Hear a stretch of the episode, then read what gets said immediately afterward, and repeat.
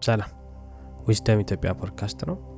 ዛሬ ክፍል ሶስት የአጃቻንን teaching ይዤላችሁ መጥቻለሁ። ዛሬ ደግሞ የምናተኩረው wisdom ላይ ነው፣ understanding and wisdom ላይ ነው። አጃቻን ካስተማረው teaching ተወስዶ እንደ paragraph ነገር አለ። እሱን በእንግሊዝኛ እያልኩኝ ከዛ ለማብራራት እሞክራለሁ። ወደ እሱ እንሄዳለን። የመጀመሪያው no one and nothing can free you but your own understanding ይሄ even ቡዳም ብሎታል። የሚያሰቃይን የራሳችሁ ታት ነው፣ ሀሳባችሁ ነው የሚያሰቃያችሁ። ስለዚህ የፈለገ ብትጥሩ፣ የፈለገ ብታነቡ፣ የፈለገ ብትፈላሰፉ ማለት ነው ያ ያነበባችሁት ያ የተፈላሰፋችሁት ነገር የእውነት ስትተገብሩት ስታደርጉት የዛኔ ነው freedom የምታገኙት። wisdom የሚለየው ማለት ነው የምንጠቀምበት ነገር ስለሆነ ነው። wise ከሆነ እንጠቀምበታል። እውቀቱ practical ነው፣ የሚደረግ ነገር ነው። ለምሳሌ ሰላም ከሆነ የፈለግ ነው ዊዝደም ያስፈልግናል። ሰላም ነው እንዴት ነው የምናገኘው? wisdom ደግሞ የሚገኘው ነገሮችን በጥልቀት በማየት ነው እና በጥልቀት አግኝተን ምን ምን ምን ሳደርግ ነው ሰላሜን ያጣሁት? ስለዚህ እነዚህ እነዚህ እነዚህ ከሆነ ሰላሜን ያሳጡኝ አሁን እነዛን እተውና ሰላሜን አገኛለሁ ማለት wisdom ነው። ከዛ በኋላ እነዛ ነገሮች ነበሩ እስከዛሬ እየተደጋገሙ ሰላሜን የነሱኝ። ስለዚህ ካቆምኳቸው አይመጡም ከዚህ በኋላ ማለት ነው። practical ነው ይሄ ላይ ሁለት ሶስት ቀን ብቻ የሚሰራ ነገር አለ። እድሜ ልካችን እስከምንሞት ይጠቅመናል ይሄ ነገር ሰላም ያሳጡኝ ነገሮች ማወቃችን። ለምሳሌ ማን ነው እየተሳደበ ሰው እየኮነነ ሰው እያማ ለሰው ነገር እያሰበ ሰላም ያገኘ ማን ነው? ንገሩኝ እስቲ። እዩት እስቲ፣ ሂዱ ቤቱ ተከተሉት። አሁን ሊያስመስል ይችላል፣ ፊቱ ሊስቅ ይችላል። ግን እንደሱ ሰላም የተነሳ ሰላሙን ያጣ ሰው የለም። ማክስ ማድረግ ስለሚችል ነው፣ ወይም ደግሞ ራሱን መሸወድ ስለሚችል ነው። ስለዚህ ዋይ ሰው ራሱን የሚያውቅ ሰው ህይወትን የተረዳ ሰው ማለት ነው። ነጻነቱን ያወጀ ሰው ማለት ነው። ሰላሙን ያገኘ ሰው ማለት ነው። ስለዚህ ራሳችን ነን ነጻነታችንን ማወጅ የምንችለው። ለምን ማንዴላ ታውቃላችሁ? ማንዴላ እስር ቤት ሆኖ ነጻ ነበረ። because mind ኡ ነጻ ነው። mind ኡ ነጻ ነው። ያነበበው መጽሐፍ ነው። መጽሐፉ እውቀት ብቻ ሳይሆን wisdom ሆነለት፣ ገባው፣ ውስጡ አስገባውና ተገበረው። even ታስሮ ማለት ነው ውስጡን ሰላም ማድረግ ይችላል። ስለዚህ ማን ማንዴላን ሰላም ያደረገው? ማን ነው ማንዴላን ነጻ ያደረገው? ታስሮ ራሱ ነው እንጂ የሆነ teacher መጥቶ አይደለም። ማለት ከውጭ አይደለም፣ ከራሳችን ነው። ሁልጊዜ የራሳችን understanding የራሳችን አረዳድ ነው ሰላም የሚሰጠን የራሳችን አረዳድ ነው። ሌላ ማጥ ውስጥ የሚከተን ስቃይ የሚሰጠን ማለት ነው። ስለዚህ አጃቻን wisdom ላይ ይሄ ነው። ራሳችን no one nothing ማንም ሰው ነጻ ያወጣችሁም ከራሳችሁ ውጭ። ይሄ እውነት ነው፣ ምንም ጥርጣሬ የለውም። የሚገርም እውነት ነው። ሌላው ደግሞ ስለ wisdom ስለ dhamma ስለ understanding a mad man both smile but the wise knows why while the mad man does not። ምንድን ያለ ናቻቻል እብድና wise ሰው ጠቢብ ሰው ሁለቱም ሁልጊዜ ፈገግ ይላል። እብድም ፈገግ ይላል፣ wise ፈገግ ይላል። ግን ጠቢቡ ሰው ለምን ፈገግ እንዳለ ያውቀዋል፣ እብዱ ግን አያውቀው። which is በደመ ነፍስ ፈገግ ማለት እንደገና በእውቀት በ wisdom በጥበብ ደስተኛ መሆን የእውነት ማለት ዘላቂነት ያለው ደስታ ሰላም ማግኘት የሚቻለው በጥበብ ነው በ wisdom ነው እንጂ just ፈገግ ለማለት ለማስመሰል ለማስመሰልም እብድም ፈገግ ይላል። ግን ለምን እንደሆነ አያውቀውም። ለምን ፈገግ እንዳለ አያውቀውም። wise man ወይም ደግሞ ጠቢብ ሰው ግን ለምን እንደሆነ ያውቃል። ይሄ ነው የሚለያቸው። ሌላ? clever person watches others but he watch them with wisdom not with ignorance if one watch with wisdom one can learn much but if one watched with ignorance one can only find faults።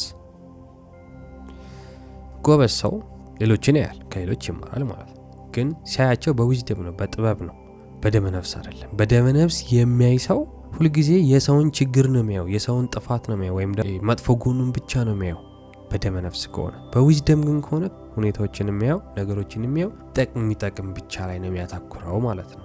በደመ ነፍስ የሚያይ ሰው በኢግኖራንስ ባለማወቅ ዝም ብሎ ሌላ ሰው የሚያይ ወይም ሌላ ሰው ላይ የሚያተኩር ሰው በደመ ነፍስ የሚያየው ፎልታቸውን ነው ጥፋታቸውን ብቻ ነው። የሚጠቅመውን ኢግኖር አድርጎ የማይጠቅመውን ብቻ ነው የሚያየው። ብሌም ለማድረግ አይረቡም፣ እነዚህ ዋጋ የላቸውም ለማለት ብቻ ነው። ሰውን blame ማድረግ ምንም ለእኔ የሚጠቅመኝ ነገር የለም። እኔን የሚያመጣልኝ ምንም ነገር የለም። ego ዬን ነው የሚኮፍሰው። መጥፎ ሰው ነው የሚያደርገኝ። የሌላውን ሰው ችግር ባየ ቁጥር ሁልጊዜ የሆነ ሰው ሳይ ችግሩን ብቻ ጥፋቱን ብቻ ማይ ከሆነ የእውነት እኔ ምንድን ነው የምጠቀመው? ምንም ego ዬን ነው የሚያቆልልልኝ፣ ይፋስቀይን ነው የሚጨምርልኝ። ጎበዝ ሰው ሲያይ በ wisdom ነው በጥበብ ነው። ለምን የሚጠቅመውን ብቻ ነው pick የሚያደርገው፣ ሌላውን ይተወዋል። ምንድን ነው የሚጠቅመው? አይጠቅመውም። የሚጠቅመውን ብቻ ነው ይዘው የሚንቀሳቀሰው። ለምን ስለሚያውቀው የሰውን ችግር መጠቆም፣ የሰውን መጥፎ ጎን መጠቆም ማንንም አይጠቅምም። ስለዚህ በደመነፍስ የሚንቀሳቀሰውና በጥበብ የሚንቀሳቀሰው የሚለያቸው እሱ ነው። የሚጠቅመው የሚጠቅመውን ብቻ pick የሚያደርገው wise ሰው ነው፣ clever ሰው ነው።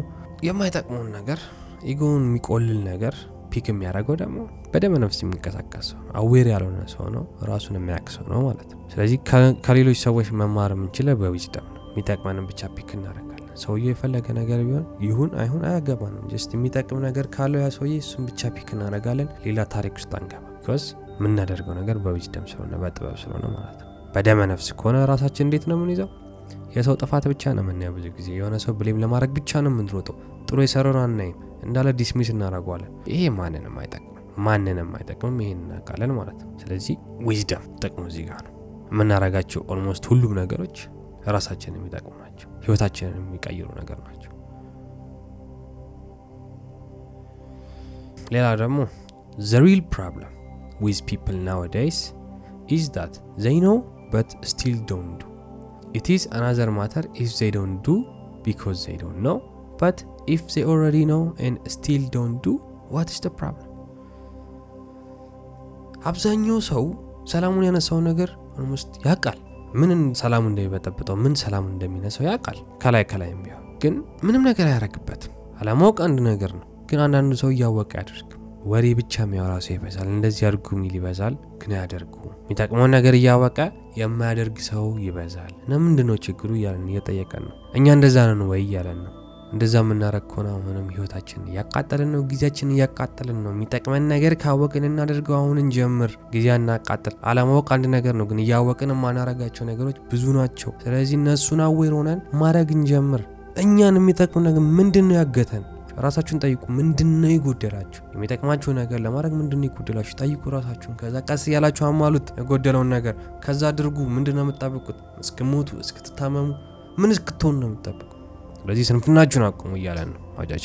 ሌላ የመጨረሻ when we know the truth we become people who don't have to think much we become people with wisdom if we don't know we have more thinking than wisdom or no wisdom at all a lot of thinking without wisdom is extreme suffering እውነት ስናቅ ብዙ አናስብም። የተፈጥሮ መንገድ ስንከተል የህይወት ትርጉም ሲገባን እውነትን ስናቅ ማለት ብዙ አናስብም።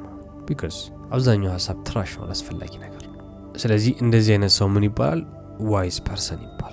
ስለዚህ wisdom ኣችን ጨምሯል ማለት ነው። ህይወት አረዳዳችን ጨምሯል፣ ሰላማችን ጨምሯል። ስለዚህ ህይወትን ያወቀ ተፈጥሮን ያወቀ የተፈጥሮ መንገድ የሚከተል ብዙ ያስብም።